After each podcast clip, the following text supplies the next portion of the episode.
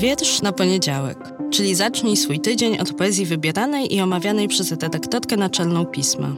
Nazywam się Magdalena Kicińska i zapraszam do słuchania podcastu.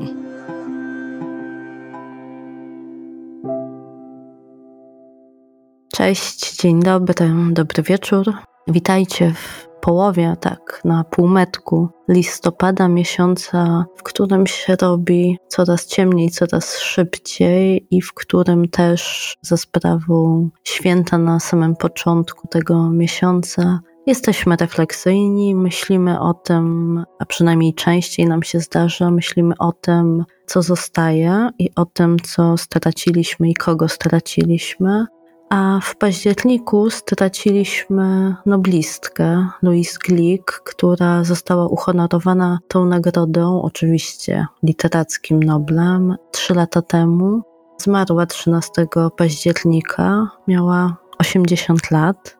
Kiedy Louise Glick została uhonorowana Noblem, nagrywałam dla Was podcast o niej, o jej poezji i o tym, dlaczego Akademia Szwedzka postanowiła ją wyróżnić, dlaczego jej poezja jest zaliczana do kanonu współczesnej amerykańskiej literatury. Zachęcam do powrotu do tego odcinka, który w opisie zalinkowałam.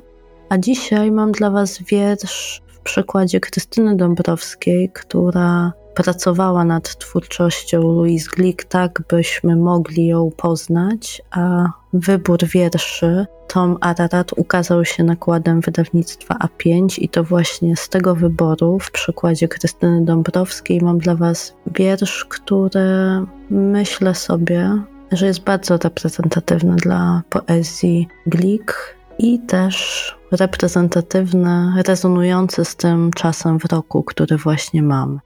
Jego tytuł to Urodziny i z tym wierszem Was dzisiaj zostawię.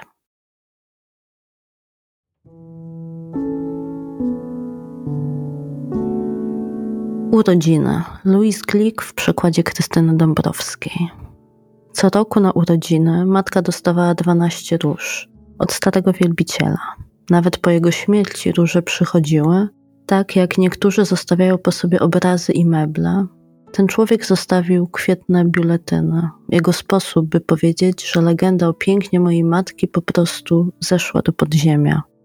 Na początku wydawało się to dziwne, później przywykliśmy. Każdego grudnia dom nagle wypełniał się kwiatami. Zaczęły nawet wyznaczać standard uprzejmości, szczodrości. Po dziesięciu latach róże przestały przychodzić. Ale przez ten cały czas myślałam, że zmarli mogą troszczyć się o żywych, nie zdawałam sobie sprawy, że to anomalia, że przeważnie zmarli są jak mój ojciec. Matce to nie przeszkadza, nie potrzebuje od ojca demonstracji. Jej urodziny zbliżają się i mijają. Spędza je siedząc przy grobie.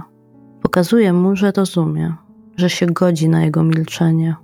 Ojciec nie znosi oszustwa. Matka nie chce, żeby wykonywał gesty tkliwości, skoro nie może czuć.